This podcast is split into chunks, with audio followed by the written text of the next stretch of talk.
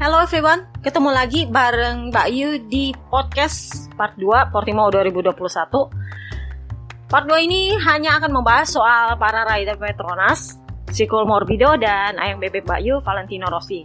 Kita bahas dulu Morbido ya, soalnya kalau bebek Vale pasti panjang. Pertama, Morbido.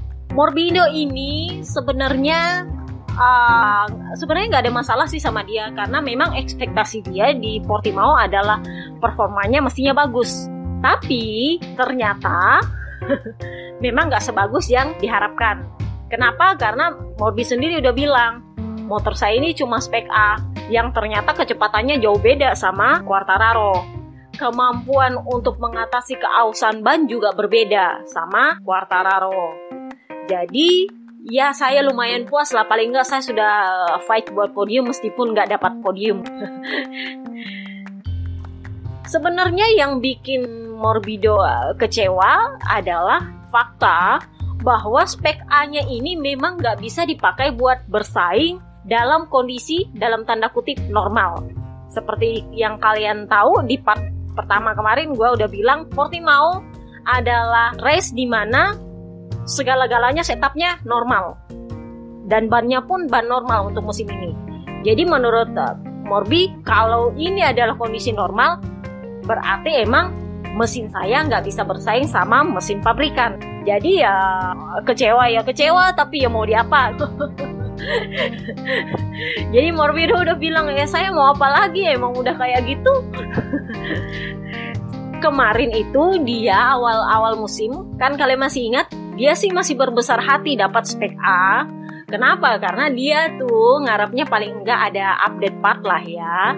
Karena kan BB Vale masuk bawa sponsor segitu banyak. Jadi memang paling enggak ada ada update part dari pabrikan dan dari tim karena yang bayar itu tim teman-teman. yang sediain duit adalah tim, yang nyediain stok adalah pabrikan. Jadi harapannya kemarin Morbi bakal dapat part baru tapi ternyata nggak dikasih juga jadi si Morbi mulai kecewa nih. Dia bilang ya saya udah nggak mikir mau dikasih mau nggak ya terserah lah. Yang penting ada Ramon Forcada sama saya. Dia itu crew chief terbaik di MotoGP dan karena dia saya bisa fight dengan barang yang seada-adanya. Kenapa sebenarnya dia mengharapkan ada part baru? Kalian masih ingat musim lalu waktu BB Vale absen? Dato Air sempat bilang dia ngomong sama Jarvis untuk minjam part yang nggak dipakai sama BB Vale karena kan BB Vale kosong tuh nggak ada yang ganti jadi dipinjamin uh, partnya. Nah itu lumayan baik. Jadi menurutnya Morbi ya nggak masalah motornya lama selama ada part baru masuk. Nah itu juga tujuannya BB Vale kemarin bawa monster masuk ke Petronas. Adalah agar meskipun udah kadung ketok palu nih Yamaha nggak bakal kasih uh, motor spek pabrikan paling nggak dikasih update lah ya. Akan tetapi, nah ini nih logikanya kalau ada duit mestinya ada part dong ya. Kalian masih ingat zaman uh, si Carl Crutchlow masih jadi rider satelitnya LCR di Honda yang sampai harus menyisihkan duitnya sendiri demi beli part? kan itu gunanya Baby Vale bawa sponsor karena kan nggak mungkin si Morbi yang nyisihkan gaji ya kan ternyata ya nggak tahu juga mau dikasih apa enggak karena BB Vale pun itu baru dapat part update itu nanti di Heres di saat para pabrikan sudah pakai part baru Portimao. Part apa itu? Itu hotshot depan kalau nggak salah. Ada hotshot depan yang baru dan itulah kenapa Neng Vina agak kesulitan di akhir pekan Portimao karena dia agak kurang seksi sepertinya dengan dengan hotshot depan itu. Jadi masalahnya bukan cuma soal uang nih. Ya sebenarnya ada juga sih. Jadi ceritanya Bebe Vale bawa duit tak uh, sponsor ke Petronas. Ya dia udah nggak bisa ngatur Petronas yang ngatur duit udah. Kalau ternyata ujungnya duit itu dipakai buat perpanjangan kontrak lima tahun dengan Yamaha ya mau diapa. Tapi memang dipastikan oleh sponsor adalah bahwa Bebe Vale bakal dapat part update secepat mungkin. Karena kan Bebe Vale ini dikontrak sama pabrikan nih kalau Morbi kan dikontraknya sama tim Petronas. Itulah kenapa BB Vale bawa sponsor ke tim Petronas. Maksudnya buat anak didiknya. Tapi kalau ternyata nggak dikasih, jadi pertanyaan ada dua. Apakah karena nggak ada duit atau karena Yamaha-nya yang nggak mau ngasih? Tapi kalau gue lihat dari sisi BB Vale, sepertinya emang Yamaha yang setengah-setengah buat support. Karena ternyata mereka kalau bikin part itu dua, cuman buat rider pabrikan toh. Bebe Vale disuruh nunggu, nunggu dulu men. Soalnya masih pakai pabrikan. Uh, kalau ternyata mereka masih mau pakai, berarti satelit nggak dapat dong. Jadi ya tunggu aja diproduksi yang baru lagi, ya baru nongol di Heres jadinya. Kayak gitu. Bukan masalah nggak ada duit sih kalau Bebe Vale, cuman kayaknya sih Yamaha yang nggak sediain stok buat Bebe Vale dan mungkin juga malah buat Morbi. itu sih susahnya jadi antara ada duit tapi Yamaha nggak mau kasih atau ada duit tapi Petronas nggak mau beli inilah yang bikin VR46 Academy sempat rapat habis Portimao kemarin gosipnya berhembus sepoi-sepoi adalah kalau hingga 2 per 3 musim Morbido ternyata masih tidak membaik mereka berniat untuk mencari pabrikan lain pabrikan lain loh ya pabrikan lain yang bersedia memberikan motor pabrikan untuk Frankie Morbido. Gosip berhembus sepoi-sepoi dari Jepang adalah Honda berniat untuk ngontrak. Why? kan kalian tahu Jerun Rakor udah bukan masuk skenario utamanya negara api. Dia memang masih skenario utamanya Darno, tapi sudah bukan skenario utamanya Jepun. Kenapa? Um, mereka sudah bisa ekspektasi hal yang terburuk yang bisa di ya, yang bisa terjadi kalau misalnya nanti kenapa-kenapa. Jadi mereka harus punya rencana cadangan nih. Jelas nggak bisa mengharapkan adiknya jurun rakor. Gue nggak tahu kenapa, tapi mereka memang sebenarnya nggak terlalu mengharapkan itu. Kan udah gue bilang di musim lalu itu cuma pelicin buat kontrak 4 tahun teman-teman. Bukan buat karena dia memang bisa Nah, itulah selentingan dari negeri Jepun sana bilang bahwa petingginya tertarik ngambil Morbido. Mau ngasih motor pabrikan yang apa-apa di satelit juga, tapi motor pabrikan. Ngerti? Karena Morbi udah bilang, saya motor seada-adanya pun masih bisa fight podium berarti bukan bukan saya rider jelek loh ya motornya aja yang jelek istilahnya kayak gitu saya bukan rider jelek motornya aja yang jelek kalau enggak nih, kalau enggak mau dimasukin ke VR46 MotoGP Team. Tapi itu masih skenario kedua. Kenapa? Karena ada skenario lain untuk MotoGP Team. Tapi memang Morbi ini istilahnya terlalu kalau gue bilang terlalu besar untuk mau dimasukin di VR46 MotoGP Team. Kemungkinan, kemungkinan kita tunggu aja telepon dari tetangga sebelah gue nggak tahu itu bakal ngamuk gimana jurun rakor kalau tahu. Tapi emang kayak gitu selentingannya. Orang di sana udah mulai mikir-mikir ini kalau ditaruh di LCR bisa nggak ya? Pakai motor pabrikan aja. Motor seada-adanya aja dia bisa fight podium kok. Bener nggak sih? Berarti emang dia adalah rider berkualitas. Dan kalau mau dimasukin ke istilahnya dia lebih duluan dari Peko teman-teman. Jadi kalau mau dimasukin ke VR46 MotoGP team kok kayaknya nggak level turun level malah si Morbi. Bener? Jadi kemungkinannya adalah dia naik ke pabrikan atau dia pindah ke satelit lain yang pakai motor pabrikan. Oke? Kita pindah lagi ke BB Vale. Ini agak panjang nih. Kita bahas dulu Portimao-nya BB Vale. Race Portimao kemarin dia itu banyak dapat hujatan dari haters jadi kan kalian tahu tuh ceritanya si ikan new yang baru si Ruki itu kan dalam tanda kutip kena karma. Terus ada fansnya Baby Vale yang bilang oh kapok lu, siapa suruh lu ngatain Vale? Dibela sama pengamat.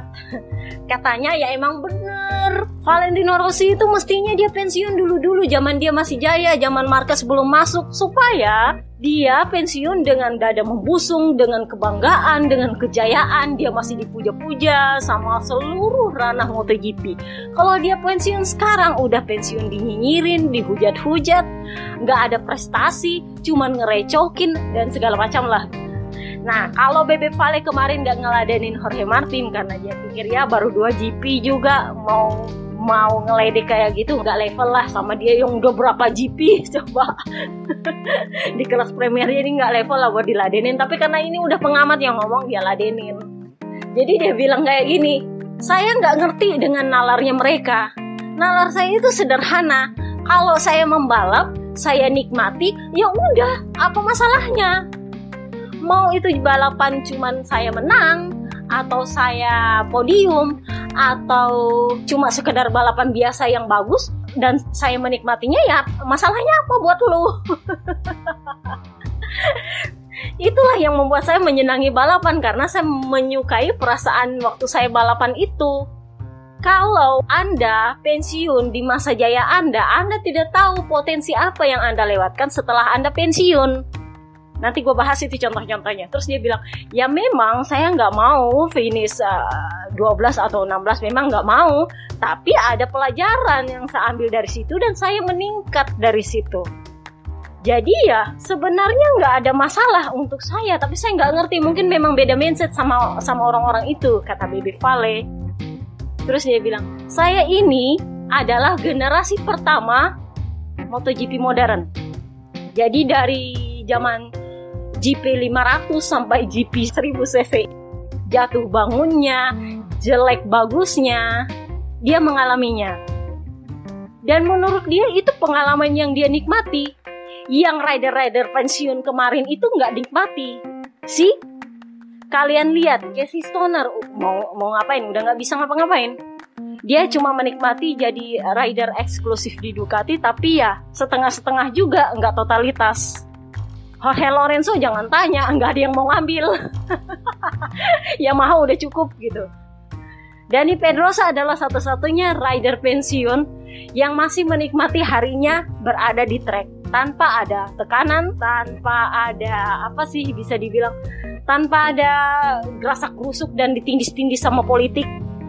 Alasan kenapa rider lama ini pensiun kebanyakan adalah karena mereka korban politik. Bebe Vale itu mau dikorbanin masalahnya dia politiknya juga lebih gede. Bebe Vale itu mau dikorbanin politik sih sebenarnya cuman backup dia gede banget, fansnya dia banyak, sponsornya dia banyak, jadi nggak segampang itu mau bikin dia jadi korban politik beda sama rider-rider lain yang emang ya udah gampang sisa putusin kontrak aja. Kalau Bebe Vale lo mau putusin kontrak mikir dulu ini duit yang hilang berapa fans yang keluar berapa bener nggak jadi mikir juga nih. Politiknya susah kalau Bebe Vale itulah kenapa dia masih bertahan sampai sekarang nggak ada yang berani korek. Yang bisa dilakukan oleh mereka adalah membuat Bebe Vale nggak senang lagi membalap untuk pensiun. Karena cuman itu yang bisa bikin dia pensiun. Kalau dia masih senang membalap lu nggak bakal bikin dia bisa pensiun men. Itu masalahnya. Bebe Vale juga bilang saya itu membalap dari usia yang masih sangat muda masuk di kelas premier di usia 20 tahun yang lain ngikut saya. Kenapa? Karena pengen mematahkan rekor saya. Saya dijadikan patron oleh mereka dan saya masih ada di sini. Itu karena saya masih jadi patron juga untuk mereka. Pasti akan ada yang mencoba untuk mematahkan itu dan Bebe Vale bilang ayolah coba. Dia bilang saya akan melakukan apa pun semampu saya untuk tetap membalap. Gak segampang itu bikin saya pensiun. Memang pada akhirnya waktu yang akan menang karena apa? Saya emang udah tua. Tapi saya akan melakukan semua yang saya bisa dengan seluruh kemampuan saya untuk membuat semuanya itu tidak mudah. Jadi nggak segampang itu bikin gue pensiun men. Dia udah ultimatum lo pengen gue pensiun tunggu dulu. Karena memang politik di MotoGP itu nggak segampang itu buat memensiunkan seorang Valentino Rossi jadi satu-satunya cara untuk membuat Bebe Vale pensiun itu adalah membuat dia tidak menyenangi balapan lagi. Ini yang agak susah nih. Kenapa gue bilang gitu? Makin lu kasih susah dia, makin dia penasaran gimana caranya menyelesaikan masalah dia. Ingat dia itu orang kidal. Orang kidal adalah orang yang menerima tantangan.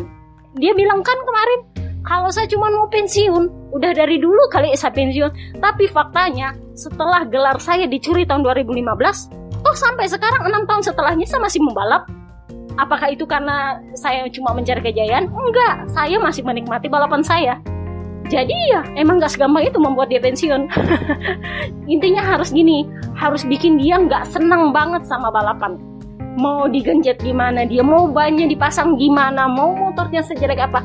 Kalau dia masih menikmati balapannya dia masih penasaran sama masalahnya itu nggak bakal nggak bakal selesai lalu apakah dia akan pensiun dia sudah bilang akan memutuskan nanti setelah awal musim. Jadi kemungkinan Mugello atau nanti Misano. Dia baru pengumuman.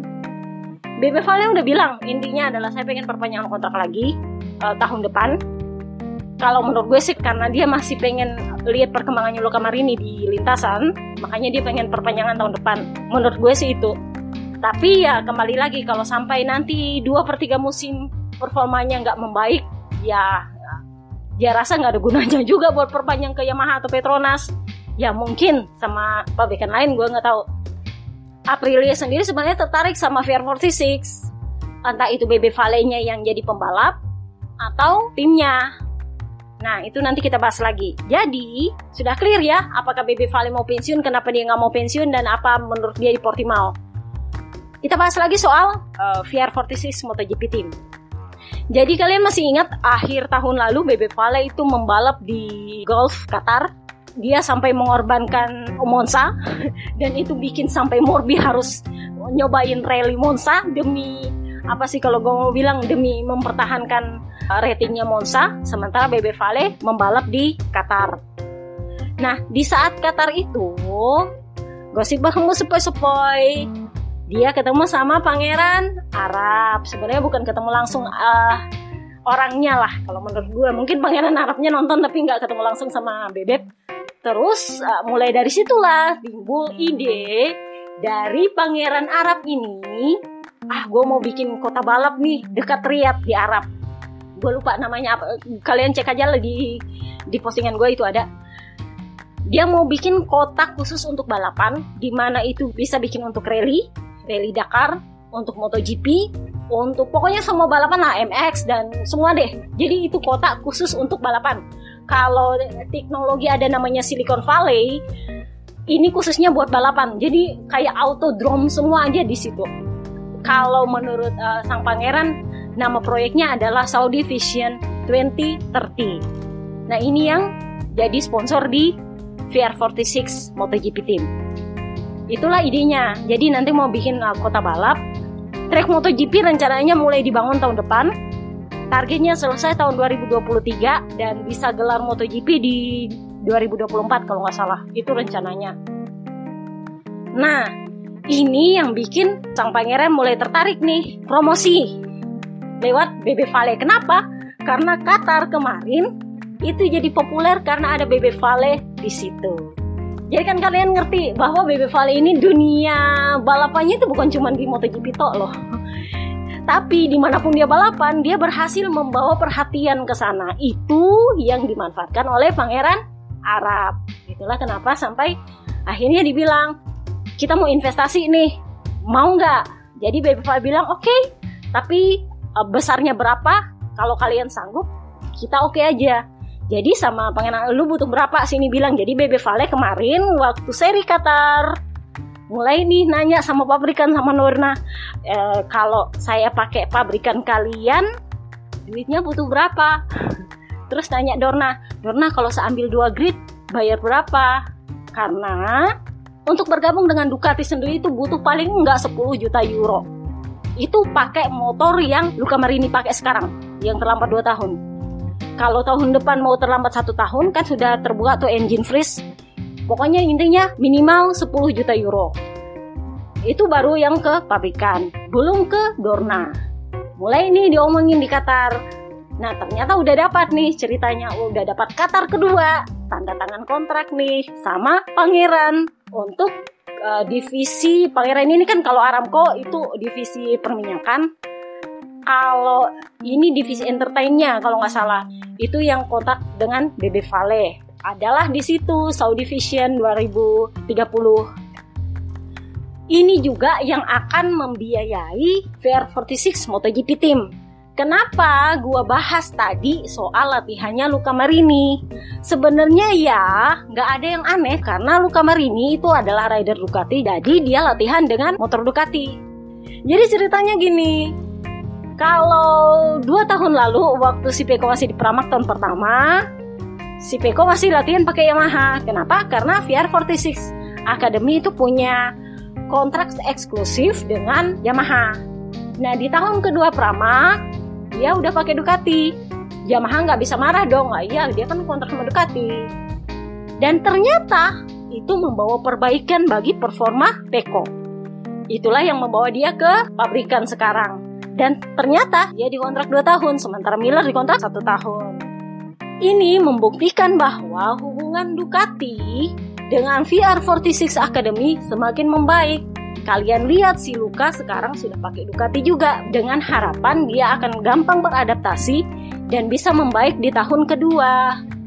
Jadi sebenarnya kalau Ducati ngasih motor buat latihan nggak nggak gue bisa bilang nggak segampang itu. Kenapa? Karena ridernya Ducati kan bukan cuma Peko sama Luka Marini si Jorge Martin, si Juan Charco, si Miller juga, Enya Bastini juga.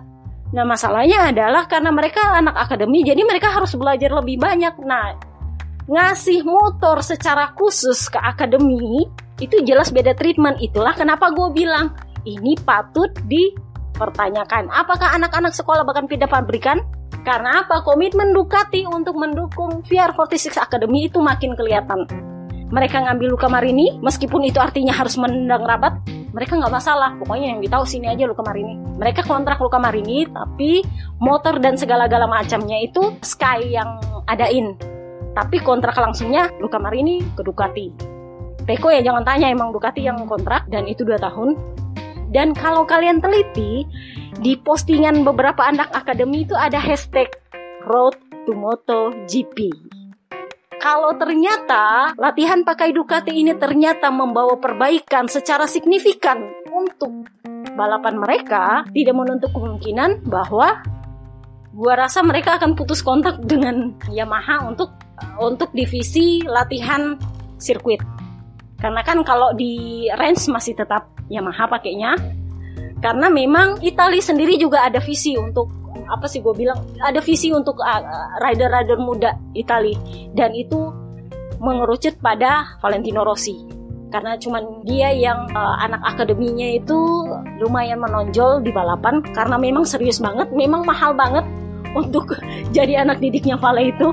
Dan ada beberapa bilang selentingan di belakang tuh kayak diperbudak emang diatur banget. Lu bangunnya jam berapa lu tidur jam berapa lu mesti gimana. Kalau lu nggak mau diatur di depak jadi jangan kalian tanya itu siapa sepuas-sepuas yang di depan itu lebih kepada keluarganya merasa nggak punya waktu buat anaknya, keluarganya merasa nggak punya kontrol atas anaknya karena manajemen semua yang kontrol mereka.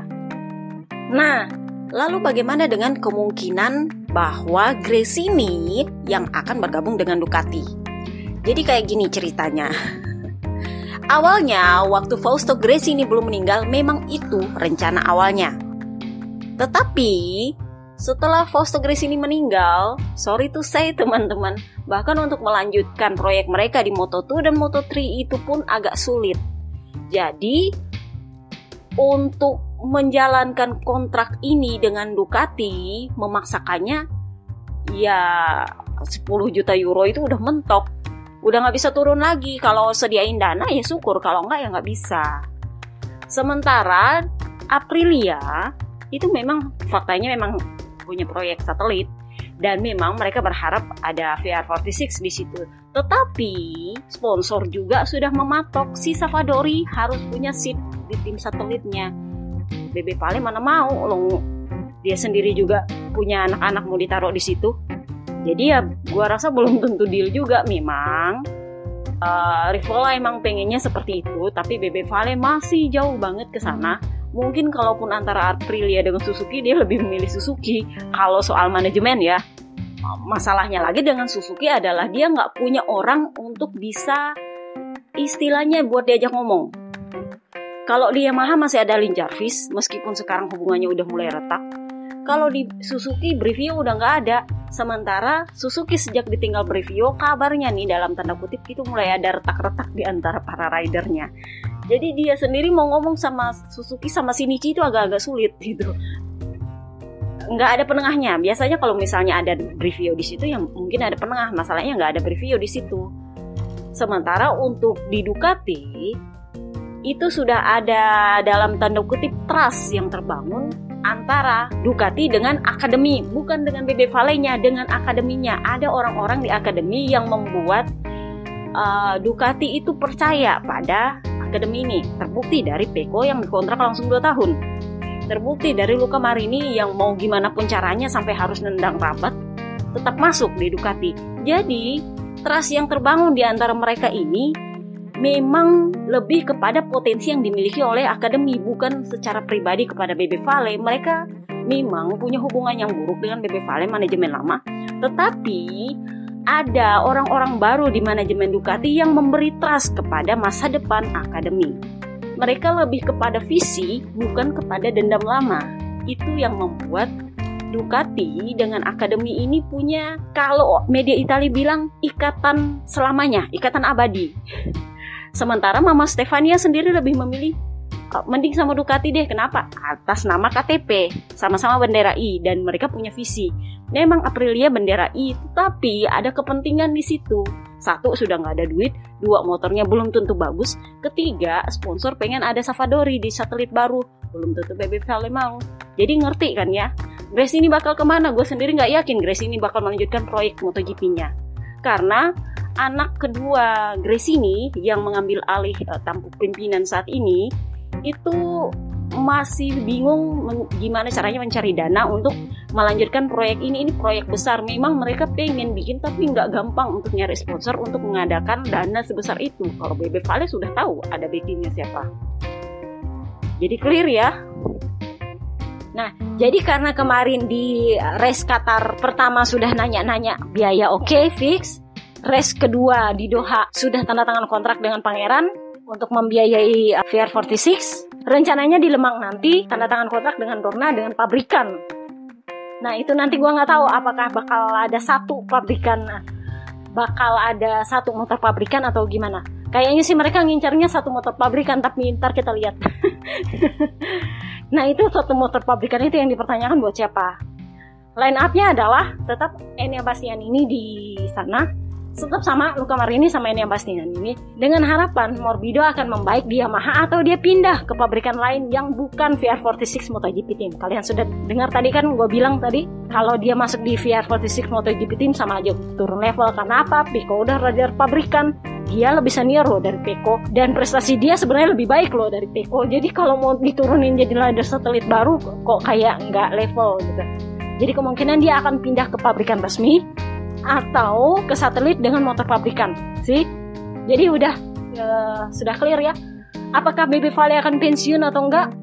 Mari kita buang hipotesis bahwa Baby Vale akan membalap di timnya sendiri. Itu nggak boleh. Nggak bisa dia akan membalap di tim lain dengan pabrikan lain. Kenapa? Karena ada conflict of interest kalau dia di situ membalap. Nggak boleh. Jadi udah ya suara gue udah serak pula sore soalnya tadi gue hujan-hujanan uh, sore. Itu aja. See you next time guys. Bye bye